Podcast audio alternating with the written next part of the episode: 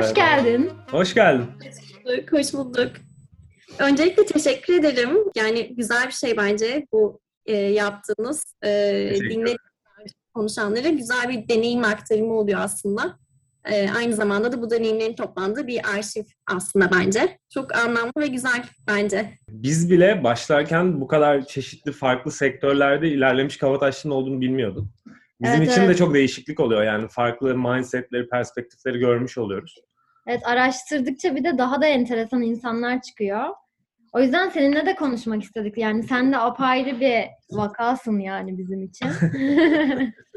Ki hala okuyor olman da daha da enteresanlaştırıyor şey evet olayı. İlk başta e, sana şeyi soralım diyoruz. Dinleyenlerimiz için de bilmeyenler vardır kesin aralarında. E, biz biraz araştırdık öyle anlayabildik. Orkestra müdürlüğü tam olarak ne demek? Bir açıklar mısın?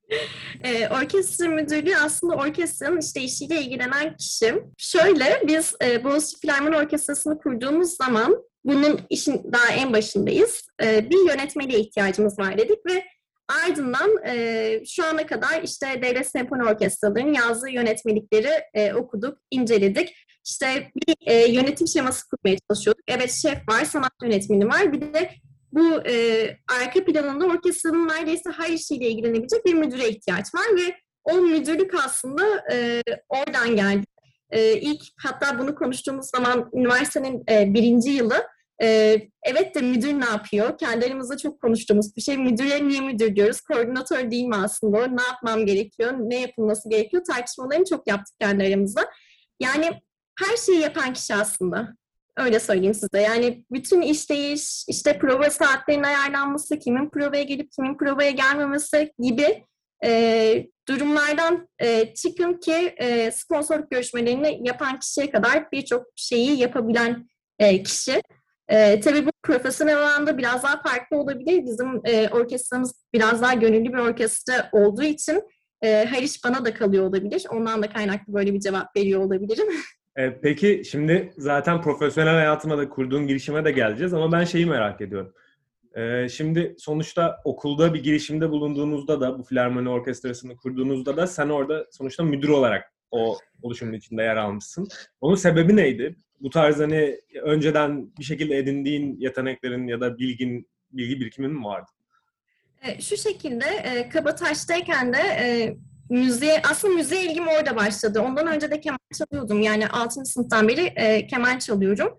E, Kabataş'a geldim. E, kemanı bırakmak istemedim. İşte önce e, yat, yatılı okudum ben. E, yatakhanede çamaşır odası vardı. Çamaşır odasında çalışıyordum ama tabii sesinden kaynaklı insanları rahatsız eden bazen durumlar olabiliyor ya da insanlar o kadar yüksek volüm duymak istemeyebilirler. E, ardından yemekhaneye e, taşındım. Yemeklerden önce yemekhanede işte Duran abi vardı siz de hatırlarsınız. Ve orada keman çalışıyordum. E, o esnada e, sizin döneminiz mi bilmiyorum Bob geldi. E, Bob'la tanıştık. Müzik odasına gel, müzik odasında çalış artık dedim ve Orada müzik odası, e, Kabataş'ta müzik, İşler Hoca ile kurduğum bağ e, oluştu. Ardından da onların mezuniyetinden sonra dört yıl falan herhalde bütün bu e, konserleri, organizasyonları, işte hangi eseri çalacağız, orkestrayı topla, orkestra şunu çalışsın, bunu çalışsın derken orada bir yönetim sorumluluğu almaya başladım. Ama tabii bu çok e, küçük yaşta olan bir şey ve tamamen e, kendim neyi doğru görüyorsam bunu yaptığım zaman güzel bir iş çıkıyor. İnsanlar demek ki provaya gelmesi gerekiyor ama prova saatlerini herkesin işte beden eğitimi dersine denk getirelim ya da başka bir şey dersine denk getirelim. Çünkü insanlar kimya dersinden çıkıp gelmek istemiyorlar mesela gibi.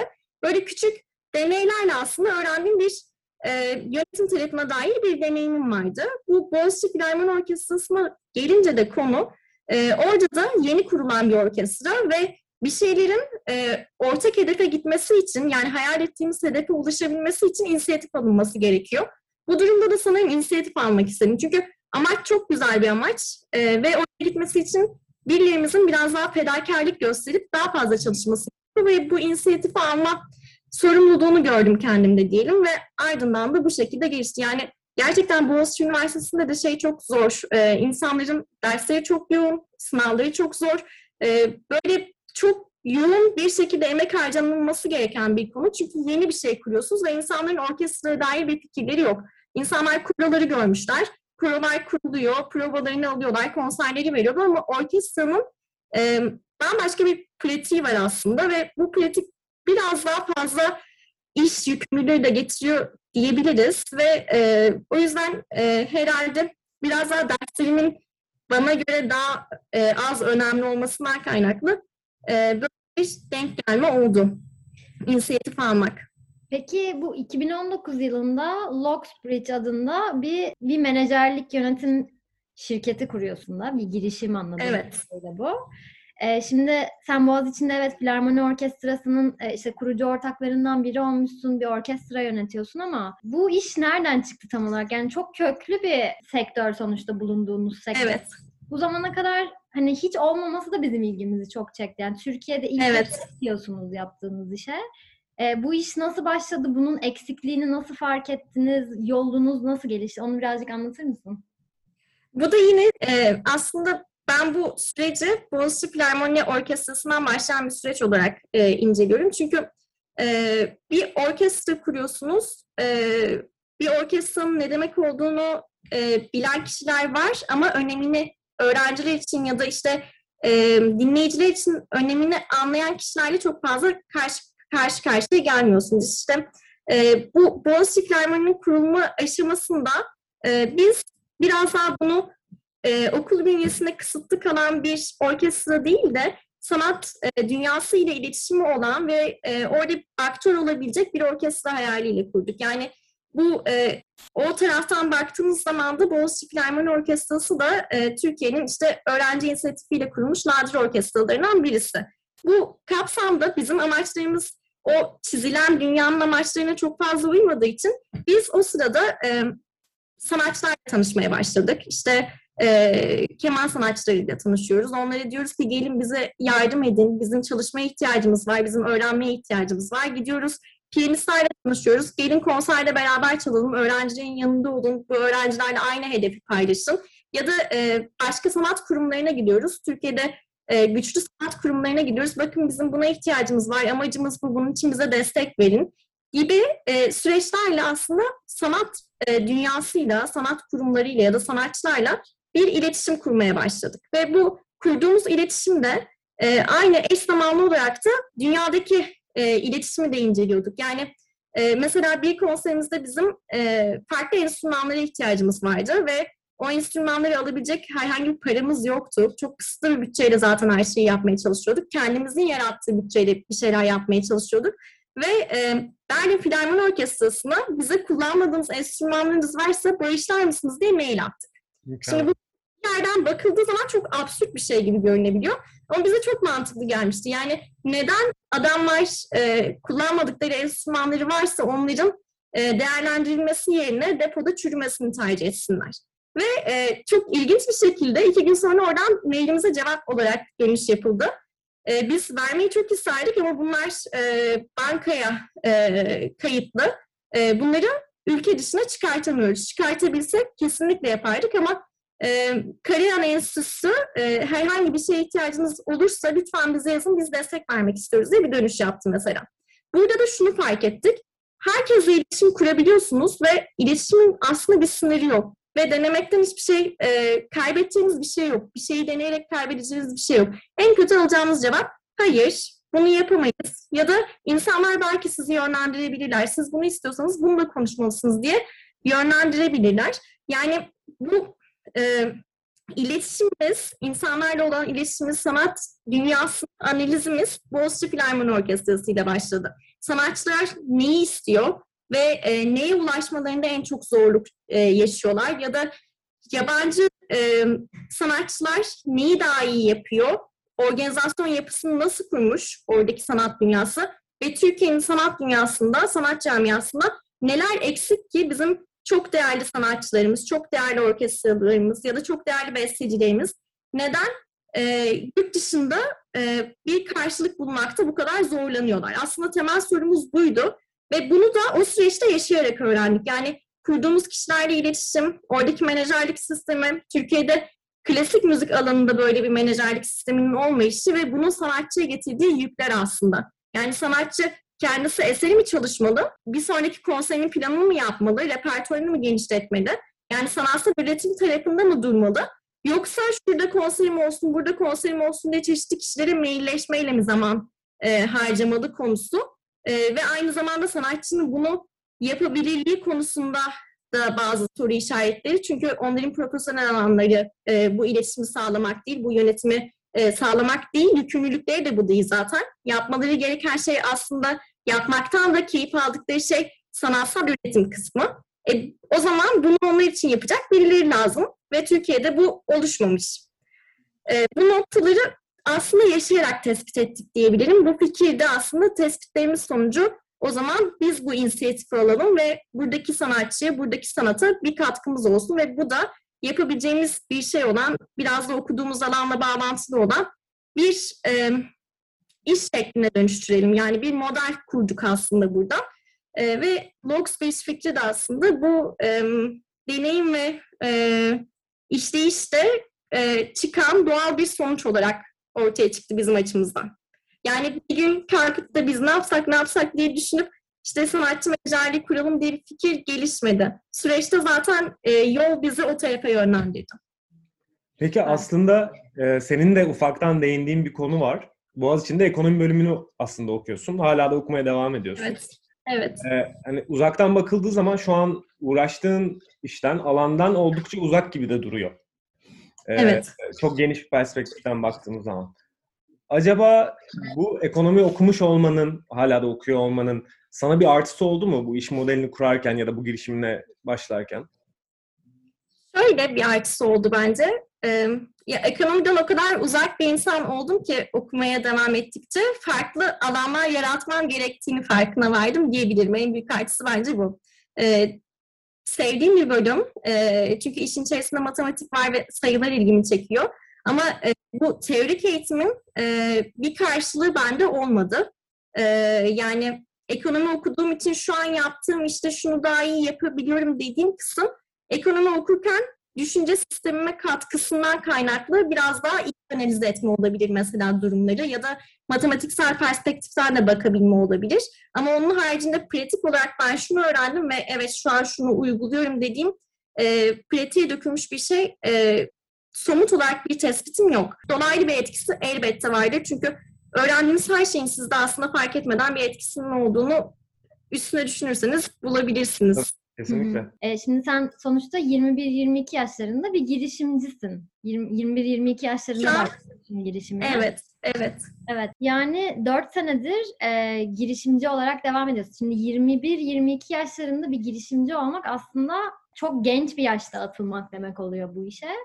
E, bunun iyi yanları, kötü yanları sence var mıydı? Bir de şeyi merak ediyorum. Şimdi e, anlattığında da Berlin Filarmoni Orkestrası'na yazıyorduk diyorsun. Hani e, muhtemelen şu anda Türkiye'de çalıştığınız sanatçılar da hani yaşını başını almış, sizden çok daha tecrübeli, bu sektörün içinde artık yıllanmış, böyle senelerini vermiş insanlar. E, neden e, sizin gibi böyle genç kuşaktan birilerine menajerliğini devretmeyi tercih ediyorlar? Ee, önce ilk soruyla başlayayım. Bu e, 21-22 yaşında bir şeye başlamak gerçekten bence zordu. Çünkü e, her şeyden önce bu iş e, iletişim üstünde kurulan bir iş. Yani sizin insanlarla ilişkinizin iyi olduğu ölçüde işiniz de iyi oluyor. E, işte belki teknolojik girişimlerden farkı da budur. E, tamamen iletişim odaklı bir iş ve sizin bu yeteneklerinizi çok iyi kullanıp bu yetenekleri, bu iletişim e, noktalarını çok iyi analiz edebiliyor olmanız gerekiyor ama 21-22 yaşında biraz daha şey oluyor. E, siz bir iş yapmaya çok heveslisiniz ve o heves bence asla insanın kaybetmemesi gereken bir heves. Sizin çok büyük idealleriniz var ve o, o idealleri gerçekleştirmek için e, harcadığınız çok büyük bir emek de var ortada. Bu 21-22 yaşında yaşadığım en büyük zorluk sanırım insanların biraz daha yaşı büyük insanların ya da işte e, belki de bürokrasinin e, içine hapsolmuş insanlar olarak da bunu e, anlatabiliriz. Onların bizim gördüğümüz geleceği ya da ideali görememelerinden kaynaklı bir sorun yaşadım. Ve bunu anlatırken bizim heyecanımız bazen e, farklı noktaları da e, çekildi. İşte e, bazen daha fazla kızabiliyorsunuz, daha fevri olabiliyorsunuz daha küçük yaşta. E, daha az sabırlı olabiliyorsunuz, hemen yapmak istiyorsunuz ama bazı süreçler, bürokratik süreçler özellikle hemen yapmanızın önünde çok büyük engeller yaratabiliyor. Bu tür sorunları e, yaşayarak aslında e, nasıl yapılmaması gerektiğini ve nasıl yapılması gerektiğini çok iyi analiz ettik. Yani bu noktada gerçekten Boğaziçi Üniversitesi bana e, bürokrasi ya da işte işleyiş anlamında küçük bir taş niteliğindeydi. Bunu dersen bu süreç zaten senin önünde sorun olacak. O zaman bu süreci başka bir şekilde e, yürüt ve e, bir kural varsa kuralın e, etrafından dönmeye çalış. Mesela madem hızlı yapmak istiyorsun bu işi ya da insanlar bunu deyince bu ters tepiyor o zaman insanlara bunu de ama aynı sonuca ulaş, ulaşabilirsin. Kendini biraz daha doğru ifade et gibi. Böyle daha staj şeklindeydi aslında ve e, ikinci soruya gelecek olursak bu e, yaş meselesi. Yaş meselesi bence genç girişimciler için gerçekten e, önemli bir problem. Çünkü şu anın dünyasında e, biz e, evet eğitimler görüyoruz. İşte e, aldığımız profesyonel eğitimler var. Ben e, ekonomi öğrenmiş birisi olarak görüyorum mesela. Ne kadar ya da nasıl olduğu tartışılır her zaman.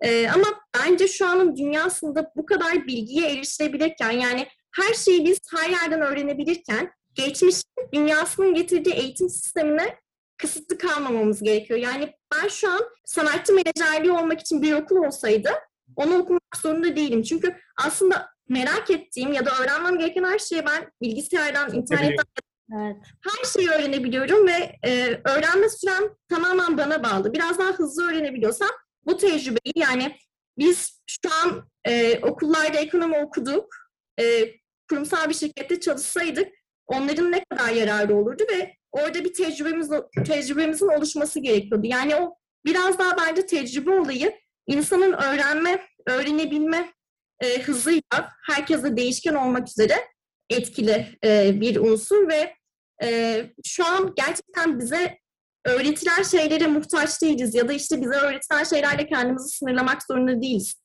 Birçok şeyi kendimizde e, aslında öğrenebiliyoruz ya da e, pratiğe dönüştürebiliyoruz. Bu noktada sanırım e, sanatçıların da genç yaşta kişilere güvenmemesinin sebebi bir, e, bizim gerçekten bu işe duyduğumuz tutku. E, çok severek yapıyoruz. Bir şeyi çok severek yapınca karşılığını e, çok daha iyi alıyorsun bence. E, bıkmış değiliz. E, burada bir umut görüyoruz. Burada bir e, gelecek görüyoruz ve o geleceğe yönelik sürekli çalışıyoruz. Bunlar ve bunların yanı sıra aslında hızlı öğrenebilme ve adaptasyon yeteneği bence. Luxbridge ismi nereden Ne geliyor? demek? Bir müzik terimi gibi bir şey mi? Yok, hayır. Şey, e, bizim e, bu şirketi beraber kurduğumuz bir mezunumuz vardı. Şey Boğaziçi mezunu mu? Kendisi Kabataş. Boğaziçi mezunu. E, anahtarların e, köprüleri asıldığı köprüler vardı ya böyle dilek. O köprüleri çok seviyor. E, ve özellikle sevdiği bir köprü vardı. Yani tam oradan geliyor. Köprüler ve işte anahtarlar. E, aynı zamanda biz bunu Duygusal biraz bir yerden yani. Aynen aynen yani öyle e, büyük felsefi bir e, marka e, background'ı yok burada. Duygu peki şimdi pandemi girdi araya ve hani sizin yaptığınız yani bütün sanat alanlarını ilgilendiriyor. Özellikle sahne sanatları e, pandemi dönemi boyunca e, yok oldu yani. Sizin işiniz nasıl etkilendi ya da genel sektör nasıl etkilendi? Modeli mi değiştirdiniz? Şu şekilde e, aslında bizim biraz işimize yaradı bu. Çünkü yeni kurulan bir menajerlik sistemiyiz, e, e, şirketiyiz ve bir sistem oluşturmamız gerekiyordu. Bizim e, bunu kurarken asıl amacımız zaten e, Türkiye'de etkinlik yapmak, Türkiye'de konserler düzenlemekten e, farklı olarak e, yurt dışında orkestralar, yurt dışındaki e, konser salonlarında e, bizim sanatçılarımızın projeleri, bizim sanatçılarımızın performansları ya da solistliğinde Türk bestecilerin eserleri çalınsın amaçlı olduğu için biraz daha bu ilişkiler uzun vadede kurulabilecek ilişkilerdi zaten. Yani şunu demek istiyorum, siz bugün e, herhangi bir konser salonuna konser başvurusu yaptığınız zaman zaten bu sektörde iki yıllık planlar yapılıyor. Yani sizin projeniz zaten pandemi olmasa bile 2020'de başvurduğunuz, 2021'de başvurduğunuz proje 2023 yılı için konuşulan bir proje e, halinde olduğu için bunun dezavantajını çok fazla yaşamadık e, bizim açımızdan. Ama sanatçılar açısından gerçekten inanılmaz zor bir süreçti. E, yani e, geçimini özellikle bununla sağlayan sanatçılar e, gerçekten çok zor e, günler geçirdi. Hala da geçirmeye devam ediyorlar. Onun için hem işin maddi kısmı hem psikolojik kısmı e, ve bu e, süreçte bence e, destek- e, desteklerin Türkiye'de çok çok az olması gerçekten bu tür sektör adına çok e, üzücü bir şey. Ama bizim tarafımızdan biraz daha e, fırsata dönüştü diyebilirim. Ee, peki bu Amerika, Almanya, Rusya gibi ülkelerle de çalışmalarınız var. Bu hani daha demin sen de bahsettin. En başından beri bu doğrultuda mı ilerliyordunuz? Hangi noktada karar verdiniz?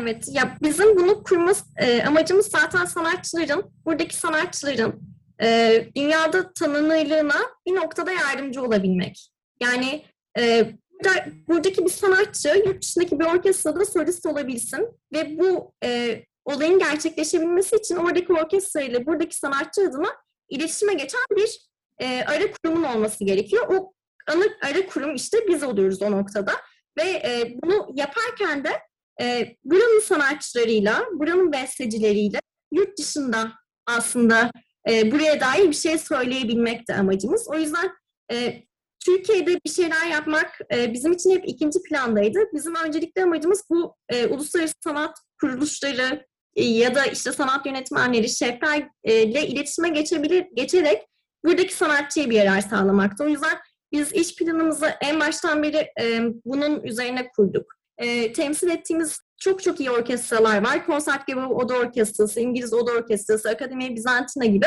Bizim onlarla geliştirdiğimiz projeler şu şekilde. E, işte 2021'de e, Ekim ayında violonsel sanatçısı Nil Kocamangil ile Concertgebouw Chamber Orkestrası'nın bir turnesi olacak. Biz onların menajerliğini yapıyoruz. Onların e, temsilini bazı bölgelerde yapıyoruz. İşte e, Güneydoğu e, Avrupa, MENA bölgesi, Türkiye gibi bölgelerde. Ve onlara bir konser turnesi organizasyonu yapıyoruz ama burada bizim sanatçımız solist oluyor. Yani buraya dair gerçekten bir şey kaz- kazandırabilmek önemli olan. Yoksa bir özel işçi niteliğinde olması gerekirse bunun da Türkiye'ye dair, Türkiye'nin sanat e, yaşamına dair e, yurt dışından buraya sanatçı getirebilirsiniz. Bunun için sponsor bulabilirsiniz. O sanatçıya parasını ödersiniz. O sanatçı çalar. İnsanlar bunun biletini alır. Gelir bu e, sanatçıları dinler ve o sanatçılar gider. Yani sizin buraya dair yaptığınız bir katkı çok kısa vadeli bir katkı oluyor. Biz biraz daha bunu uzun vadeye çevirmek ve işte aslında buradaki sanatçıya ve buradaki sanatçının aldığı faydadan ötürü diğer sanatçılara da bir fayda sunabilmek. Yani kolektif bilinç ve kolektif yarar aslında burada savunduğumuz şey. E, o zaman genelde yerli sanatçılarla beraber çalışıyorsunuz. Solist olarak yerli sanatçılarla beraber çalışıyoruz. Orkestralarımız yabancı orkestralar, menajerliğini yaptığımız orkestralar ve onlar arasında bir e, işbirliği kurmak e, buradaki asıl hedefimiz aslında. Peki aynı zamanda aslında bizim okuduğumuz, öğrendiğimiz kadarıyla yönetmenlik ve senaryo yazarlığıyla da ilgilisin. Ee, ve bu da işte şey. aynen aynen ekonomi, yönetmenlik, senaryo yazarlığı hepsi var ve e, multidisipliner bir çalışma şeklinin de kreatif alanlara büyük bir katkısı olduğunu söylemişsin. Ya ben kendim de mimarım, kreatif bir alanda çalışıyorum ve hakikaten dediğin çok doğru. Farklı perspektifler her zaman çok verimli sonuçlar elde etmemize sebep oluyor. Ee, peki bu aynı bakış açısını girişiminizde de kullanıyor musunuz? Ee, firmanızda multidisipliner bir çalışma modeli var mı? Ve film çekmeye olan ilginle yaptığın işin kesiştiği alanlar var mı? Şu şekilde e, o da.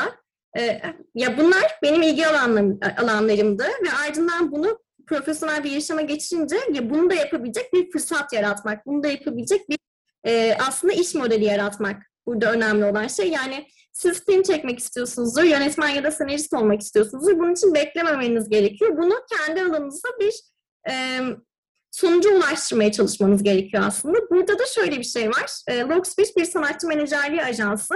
Ama diğer ajanslardan farklı olarak biz e, Logspeech'i bir de e, dijital ajans olarak da kullanıyoruz. Ama kendi alanımızla bağlantılı olarak. işte mesela e, bir besteciyle ilgili bir belgesel e, film e, projemiz var şu an. E, Ekim ayında e, belgeseli çıkartmayı planladığımız. E, ben liseden beri yazmayı aşırı seviyorum. Yazmak belki keman çalmaktan da önce benim e, çok büyük bir tutkum.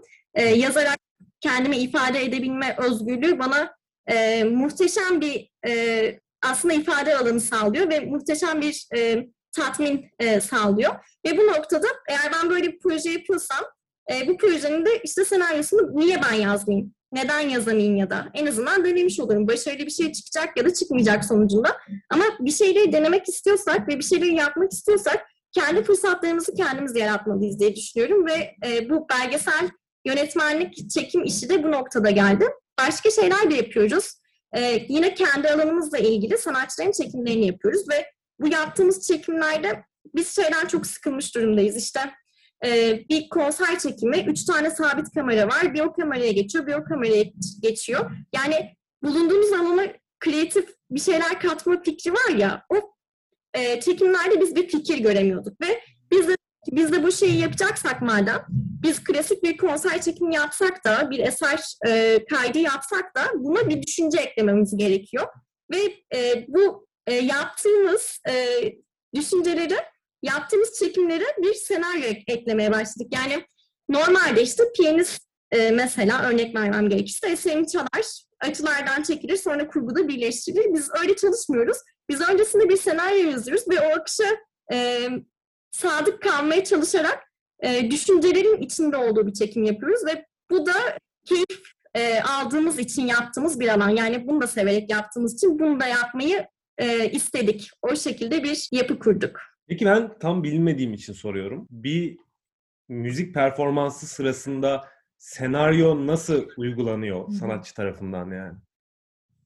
E, konserlerde bu pek mümkün olmuyor ama şu an e, pandeminin de etkisiyle dijital üretimler çok fazla arttı. E, insanlar artık konser salonlarında canlı olmayarak videolarını çekiyorlar, e, eserleri kaydediyorlar, e, performanslarını kaydediyorlar ve sonra bunu farklı dijital platformlarda YouTube ya da farklı özel e, dijital platformlarda insanlarla buluşturuyorlar. Bu bizim yaptığımız pandemi dönem, döneminde deneyimlediğimiz şey biraz daha e, canlı performans değil, kayıt performans üzerinden. Görselliği de kullanmak burada amaç. E, mesela işte e, İlyum e, Büyükev e, genç piyanistimiz, Gülsün Onay sanatçısı, e, piyanist. E, onların beraber çektikleri, e, çek, çekimini istedikleri videoda mesela en basitinden küçük bir fikir bu da bizce. E, Gülsün Hanım'ın e, örnek Gülsün Hanım'ı örnek alan birisi İlyum ve biz e, merdivenlerden çıkışı kullanıyoruz mesela. Onun kariyeri Gülsün Hanım'ın pozisyonuna geçtiğini e, gösterirken ya da geçmek arzusunu gösterirken böyle biraz daha e, soyut ama bizim açımızdan evet. fikirler kaynaklı değerli olan kendimizce eğlendiğimiz ve sevdiğimiz küçük üretimler evet. diye. Belgeselini çektiğiniz besteci Türkiye'li mi?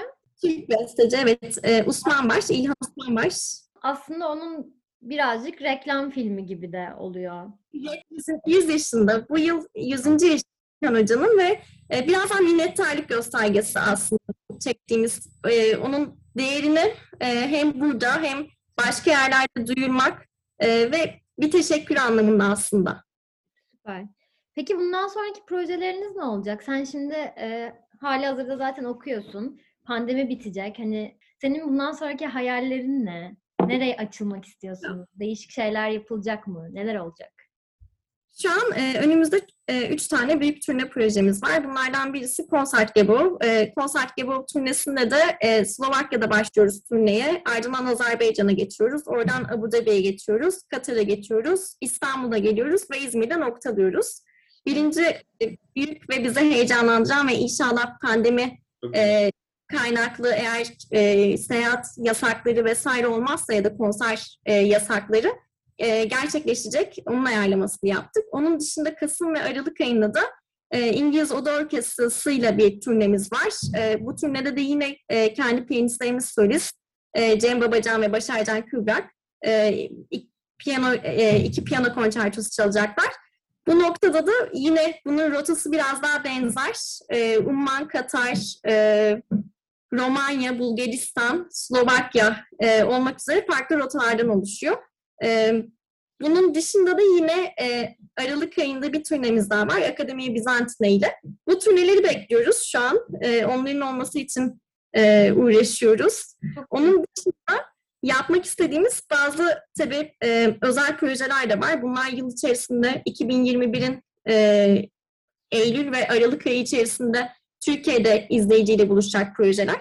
Hı hı. Yani üretim içerisinde olmak aslında burada çok güzel bence. Çünkü e, siz ne kadar iletişim sağlasanız da projenin bir şekilde koordinatörlüğünü yapıyorsunuz ve o projeye kendinizden bir şeyler katarak farklı bir şekilde şekillendirebilme olanağı sunuyor bu.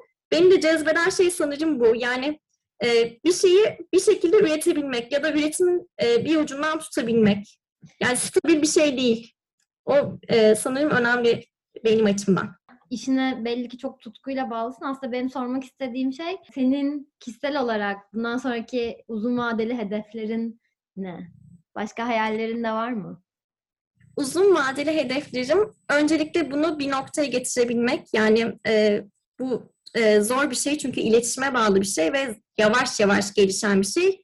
E, birilerini tanıyıp birilerinin referansıyla başka birilerine e, ulaşabilmek işi ve e, çeşitli aşamaları ve süreçleri var. Öncelikle bunu e, güzel bir biçimde yapabilmek istiyorum. İkinci olarak e, mutlaka hayatımın bir döneminde bir kitap yazmak istiyorum. Bununla ilgili düşüncelerim de var. Yine böyle e, ne kadar artık beyinleri ya da ne kadar başarılı olur bilmiyorum ama en azından onu e, yapabilmek ya da kendimce yazıp belki kimseye okutmamak istiyorum. Şu an deneyip e, sürece bırakmak aslında. Çeşitli hedeflerim var. Yapmak istediğim, gerçekleştirmek istediğim şeyler var ama bunlar biraz böyle şey, bugünün kurallarıyla baktığınız zaman saçma şeyler gibi gözükebiliyor. Mesela işte e, Anthony Hopkins'i ölmeden Türkiye'ye getirip onunla tanışmak mesela böyle. Kesinlikle saçma Bence değil bu de arada değil. yani. Asla hiçbir şey saçma değil. Sonuçta her şey hayal kurarak başlıyor. Ee, peki Luxbridge olarak kaç tane sanatçıyı temsil ediyorsunuz? Şu an Türkiye'den 18 tane sanatçıyı temsil ediyoruz. Bunlar farklı farklı. Bizim piyanistlerimiz çok fazla.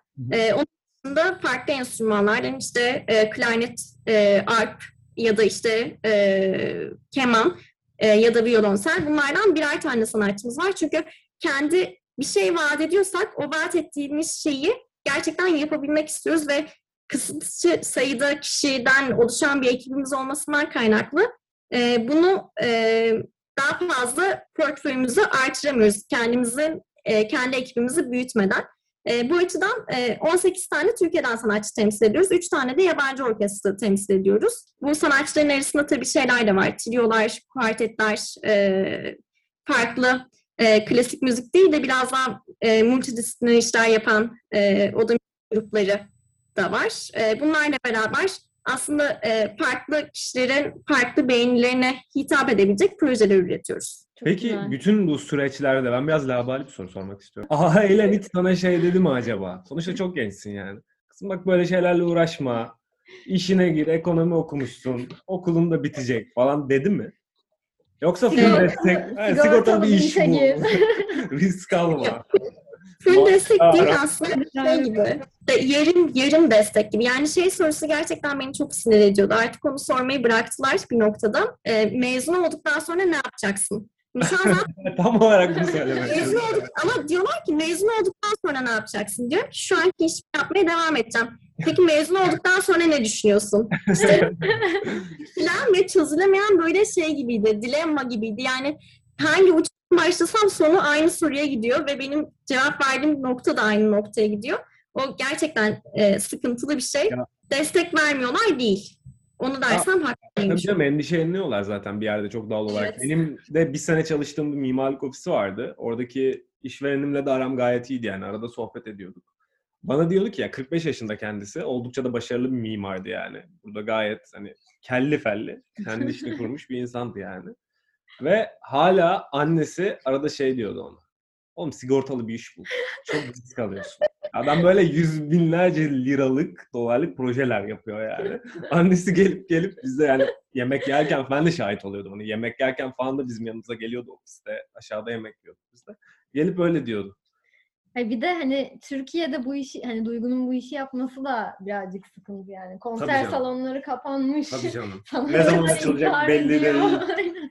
hani böyle çok da karanlık bir görüntü de var yani hani Türkiye açısından. O yüzden hani bütün aileler muhtemelen seninki gibi e, Bir de bir şey Özellikle kl- klasik müzik kısmı özellikle yani zaten dinleyicisi dışarıdan bakıldığı zaman işte e, 50 yaş teyzelerimiz, amcalarımız ya da işte konser salonu kaç tane var ki, orkestra kaç tane var ki gibi bakılıyor. Onlar da bunun endişesini yaşadılar elbette. Ama yani bir şeyler yapılabildiği zaman ve bir şeyler yapmaya başladığımız zaman devamı kesinlikle geliyor. Yani o e, sektörü canlandırmak aslında bir noktada ya da e, farklı e, alanlar açmak, kendi yaşayabileceğin alanları açmak. Yani aslında bir yandan yaptığın şey e, klasik müzik Türkiye'deki klasik müzik dünyası içinde çok, Çok. yeniden canlandırılabilecek, canlandırabilecek bir Evet, evet, dünyayı bir bir girişim yani. Sen açıklayınca biz daha da iyi anladık. Çünkü hani web sitenizde daha genel yazıyor tabii. Aslında yapmaya çalıştıkları şey Türkiye'deki sanatçıyı yurt dışında hani daha da değerli bir pozisyona sokmak. Çünkü buradaki sanatçı burada değer görmezse hani dünyada değer görürse en azından buradaki değeri de artar. Artacak. Kesinlikle. Tam olarak bu. Tam olarak bu. Yani sanatçının önce kendisine değer vermesi gerekiyor. Ardından Türkiye'de ona değer verilmesi gerekiyor. Sanatçıların birbirlerine değer ver- verilmesi gerekiyor ve bu süreçte zaten başkaları da sizin yaptığınız işin değerini ölçebiliyor ve e, ona doğru bir kapı açılıyor. Yani biz e, yurt dışı ile iletişime geçmeye başladığımız zaman yani Konsertgebouw Orkestrası mesela, e, Oda Orkestrası. Dünyanın e, en büyük orkestralarından birisinden e, birisinin üyelerinden oluşan bir oda orkestrası, aynı çatı altında olan bir oda orkestrası. Ve e, neden? Mesela e, Türkiye'den işte 25 yaşında iki girişimciliğe, girişimciye güveniyorlar. Çünkü iletişim yani burada önemli olan şey gerçekten iletişim. Siz e, o iletişimi kurduktan sonra buradaki sanatçılarınızın da ne kadar değerli şeyler yaptığını gösterebiliyorsunuz. Çünkü onlar değer veriyorlar, dinliyorlar, inceliyorlar. Yani e, gerçekten şey değil. Biz bir sanatçıyla ilgili bir şey söylediğimiz zaman e, her şeyini dinlemiş oluyorlar. Bütün videolarını izlemiş oluyorlar. Bu çok güzel bir duygu. Ve onların bize genellikle verdiği cevap da şu şekilde oluyor. İşte ya siz kimsiniz? Türkiye'den bana niye yazıyorsunuz? Olmuyor. Yani ne zaman artık böyle bir şey olacaktı da biz e, Türk sanatçıları tanıyabilecektik. Türkiye ne zaman gelecekti artık bize zaten? Hani bu şekilde bir e, tepki oluyor.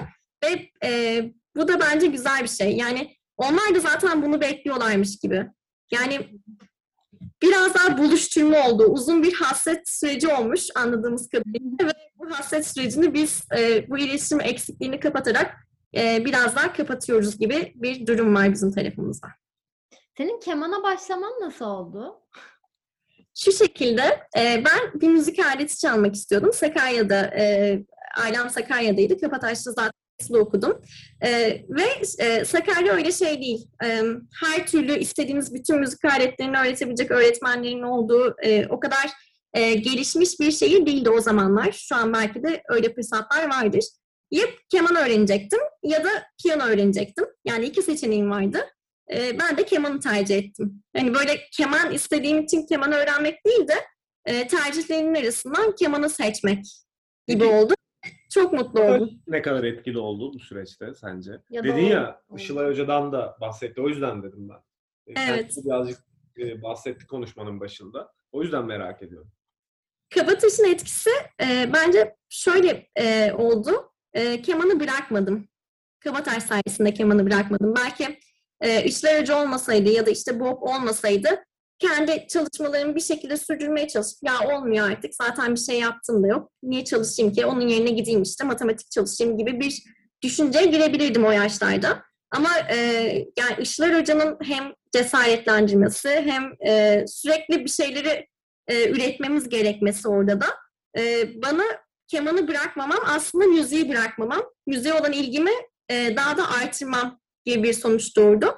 Bu müzik odasında e, kaç kere kilitli kaldım mesela. Yani sadece e, keman çalışıyorum çünkü bizim e, konserimiz var. İşte özel günlerde konser veriyordu. Siz de hatırlarsınız orkestra. Ona çalışmam gerekiyor. Yatarken de çalışamıyorum. İşte Hoca e, bana açmış e, müzik odasını.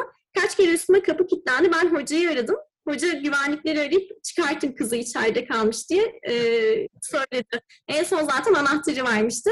Orası benim biraz daha evim gibiydi. Yani o müzik odası gerçekten Kabataş hayatımın çoğunluğunu geçirdiğim yerdir. Duygu'nun söylemesine göre kemanı bırakmamasına sebep olan bir yer. Hem kendini geliştirmiş. Müzik odası da bizim tarafımızdan ne kadar farklı bir yer yani. Müzik odası çünkü hani çok da ilgilenmeyen birisi için eziyet gibi gelen bir Evet, yer. bir noktadan sonra artık dalga geçilmeye başladı. Şey zaten sonuçta hepimiz bir şekilde e, aynı yoldan yürümüş olsak da herkesin deneyimi birbirinden çok farklı oluyor. Evet, Yani evet. konuştuğumuz herkeste de hissediyoruz biz yani. Aynen. Aynı dönem Evet. olsak bile çok yakın dönemleriz sende de yani. Evet. Gerçekten herkesin edindiği şeyler, deneyimler birbirinden çok farklı oluyor. Ve gerçekten hani Kabataş'ta başka okullarda o kadar fırsat var mıdır ama sanata verilen önem ciddiyet ve e, sanata öğrencinin ayırabileceği zamanın çok çokluğu bence çok önemli bir şeydi. Yani ne demeye çalışıyorum? Müzik odasında neredeyse yatıp kalkar duruma gelmiştim. O kadar e, diğer hocalar demek ki benim İngilizce dersinden çıkıp ya da matematik dersinden çıkıp yazılan izinlerle müzik odasında zaman geçirmeme imkan tanıyorlardı. Ya da işte e, tiyatrodaydım mesela. iki yıl tiyatroda. Orada da müzikleri yaptım. Yani tiyatro oyunu izliyorsunuz. E, orada bir yönetmen var ve o yönetmen size diyor ki burada gerilimli bir şeyler bulmak gerekiyor. Ben gidiyorum gerilimli eserler ne olabilir diye düşünüyorum. Onların e, notaya geçirmesini yapıyoruz. Ve kurduğumuz küçük grupta tiyatroya canlı müzik yapıyoruz. Bu da inanılmaz bir deneyimdi ve gerçekten canlı yapabilmek ve insanların müziğe dair tepkilerini de e, duyabilmek aynı zamanda sahnenin yanında oturup çalarken çok farklı bir şeydi. Bu da bence e, yani sanatla sürekli iletişimin olabileceği bir kurumdu Kabataş. Bu çok büyük bir fırsat olarak görüyorum bunu. Bir de ilgilendiğim münazara vardı e, lise yıllarında. Or- orada da düşünceyi, düşünceyi şekillendirmeyi belki de öğrenebildim. Belki de iletişim e, yöntemine katkıda sağladı. Tabii bir de yatılı e, okurken 7-24 süren bir iletişim e, süreci içindesiniz. Herkesle olan iletişiminiz çok önemli. E, orada rahat yaşayabilmek için. Ee, bütün bu süreçlerde böyle aklına kazınmış aldığın çok zor bir karar var mıydı? Girişimin de olabilir, genel olarak hayatın da olabilir fark etmez. Hı hı. Aldığım çok zor kararlar. Ee, aslında hepsi bence zordu. Ee, yani sonuçta girişimcilikte her şey bir risk. Aslında hayatımızdaki her şey bir risk ama riskin daha yüksek olduğu bir konu girişimcilik. Ee, aldığım çok zor karar ilk konserimizde, yani ilk konserimizde Lütfü Kırdar sergi ve Hı. kongre sarayında yapacağımız ilk konserde şimdi oranın devasa bir kira ücreti var. Ve siz orada konser yaparak o devasa kira ücretinin altına girmiş oluyorsunuz bireysel olarak. Yani bu bence o yaş için alınabilecek çok büyük bir risk. Çıkıp çıkamayacağım belli değil yani. Çıkıp çıkamayacağın belli değil. Ya senden çıkacak ya sen bir şekilde bunun satışını iyi yapmak zorundasın ve salonu doldurup bilet satarak o parayı ödemek zorundasın. Ya da işte her şey mahvolacak, sen orada yapacaksın ama sana borç kalacak. Bu gibi şeyler e, zorlayan kararlardı ama onun İlk işiniz miydi? Bir ilk düzenlediğiniz etkinlik miydi? Biz daha önce hep e, üniversite içerisinde konser veriyorduk Albert Longcore'da. Tabii orada bilet satmak vesaire bizim için daha kolaydı ama ilk defa dışarıda e, Hmm. 2000 kişilik bir salonda verdiğimiz ilk konser ve ilk organizasyondu. E, çok fazla şey öğretti. Yani inanılmaz bir deneyim oldu benim için o. Nasıl bilet satılır, nasıl pazarlama yapılır, insanların ilgisini nasıl çekebilirsin, nasıl o e, sınırlandırılan hedef kitle aslında senin hedef kitlenden çok daha küçük. Sen diğer insanlara ve daha yaşı küçük insanlara zaten ulaşabiliyorsun. Düzgün pazarlama yöntemleri kullandığın zaman. Peki başarılı oldu mu etkinliğin? Borçlu kalmadık. Çok iyi. Çok tatlı. Yani e, gelen ve Böyle e, neredeyse eşleşti. Çok küçük masraflar bizim e, öpüşlerimizi bastırdığımız masraflar bize sadece e, kaldı. Onun haricinde e, salonda 1500 kişi vardı e, ve yani şey çok başka bir duygu. Orada e, kem, aynı zamanda orkestrada keman çalıyorum. O eseri çalarken e, o insanların kafalarını görmek ya da öyle büyük bir kalabalığın senin yaptığın emeği alkışlaması gerçekten böyle inanılmaz bir tatmin süreci.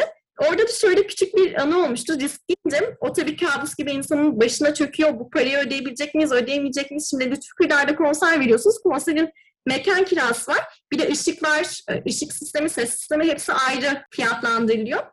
Hiç olmayacak bir şey Lütfü Kırdar'da. Biz eseri çalıyoruz. Güzel de çalıyoruz o zamana göre, o zamanki kapasitemize göre. Işıklar gitti. Yani bütün elektrik gitti. Sahne, Konser konser sırasında sahne kapkaranlık. Ben önce şey yaptım. Ee, şimdi müdür, müdür ne demek, müdürün görevi ne diye sormuştuk ya konuşmanın başında. Önce kendi notama baktım, görebiliyor muyum? Görüyorum, çalabilecek pozisyondayım. Sonra arkalara doğru baktım, timpani ve üflemelilerin olduğu bölüm biraz daha karanlıktı. Onlar çalabiliyor mu? Hiç hata vermediler. Çalmaya devam edebiliyorlar. Şefe baktım. Şef notayı görebiliyor mu? Yönetmeye devam ediyor mu? O da tamam. Sonra benim aklıma gelen ilk soru şuydu. Ya şimdi ışıklar gitti.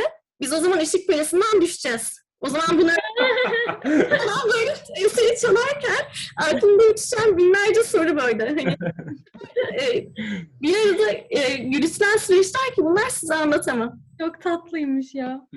Şimdi 2000 sen yine çok eski bir mezunumuz değilsin ama yani biz olsak yine biz de kendi aramızda bu soruyu sorardık çünkü çok şey değiştiğinin farkındayız. 2021 yılındaki duygu, e, 2016 yılındaki Kabataş'ta böyle sahil şeridinde yürüyüş yapan duyguya rastlıyor. Ona ne derdi? Ona ne derdim? Sanırım biraz daha başkalarının güçlerine biraz daha az önem vermesini söylerdim. Yani çünkü lise döneminde gerçekten şey çok büyük bir psikolojik baskıydı bence. Yani özellikle yatılıda gördüğüm bir problem bu. Toplum baskısı ya da işte kolektif aksiyon. Yani bir kişi bir şey yapıyorsa sen de yapacaksın. Yapmazsan e, oradaki kara koyunsun. Olayınla biraz daha e, az önem vermeyi ve e, orada biraz daha fazla dost biriktirmeyi belki tavsiye edebilirim. E, çok güzel bir tavsiye. Evet. Bunu ben de ederdim herhalde. Aldığın en kötü tavsiyeyi hatırlıyor musun? Neydi sence? Kabataş'ta Yok, genel, genel. en kötü tavsiyem siz bence işte e, bu orkestrayı kapatın. Siz e, bu sektöre girmeyin. Zaten bu sektörde bir şey yok. E, siz bu eski çalmayın. Bu eser sizin e, kapasiteniz için çok yüksek bir eser. Zaten çalamayacaksınız. İşte e, siz bu kadar, siz lütfü kadar konser yapmayın. Çünkü paranız yetmez. Zaten kim size sponsor olacak? E, gidin daha küçük bir salonda konser yapın gibi.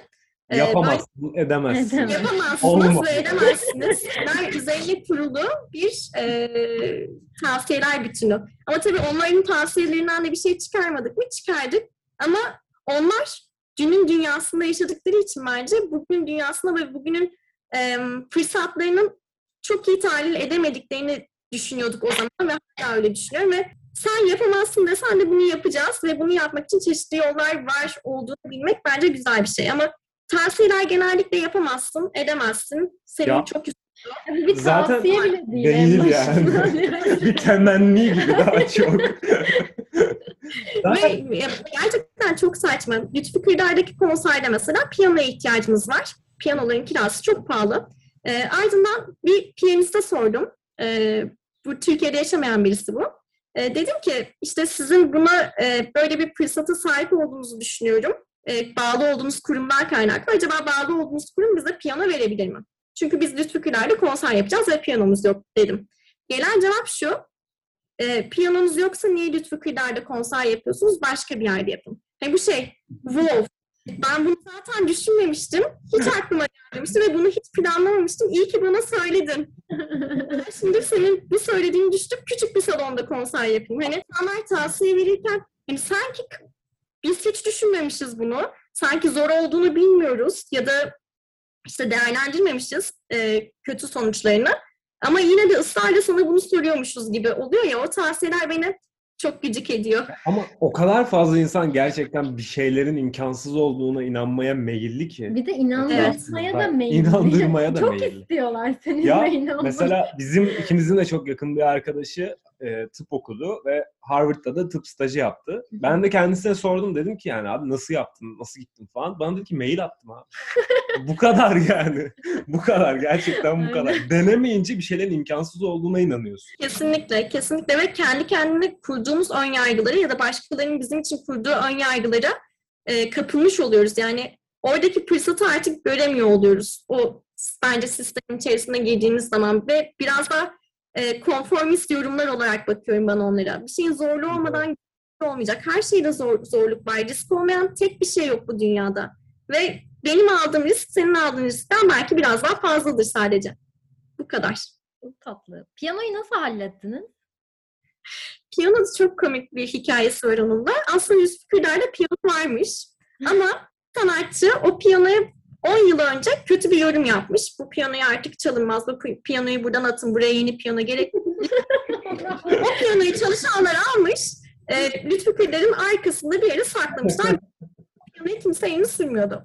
Sonra biz dedik ki biz bakalım buna. Belki bu o kadar da kötü değildir. Ve baktık sadece akort yaptırmamız gerekiyordu. Birazcık da akort problemi vardı. Yani e, çalarken e, değişebiliyordu. Ama bizim büyük bir problem değildi o. Ve onunla çaldık. Onunla ikinci konserimizi de verdik. Yani aslında öyle bir problemimiz de yokmuş. Yani o sanatçı e, o piyanonun 10 yıl boyunca kapalı e, odalarda saklanmasına sebep olmuş. Bu da bak çok komik bir örnek Evet, ama inanılmaz. Sırf başka birinin yorumu üzerinden Kapatmışlar bu piyanoyu. piyanoyla alakası olmayan insanlar piyanoyu kapatmışlar.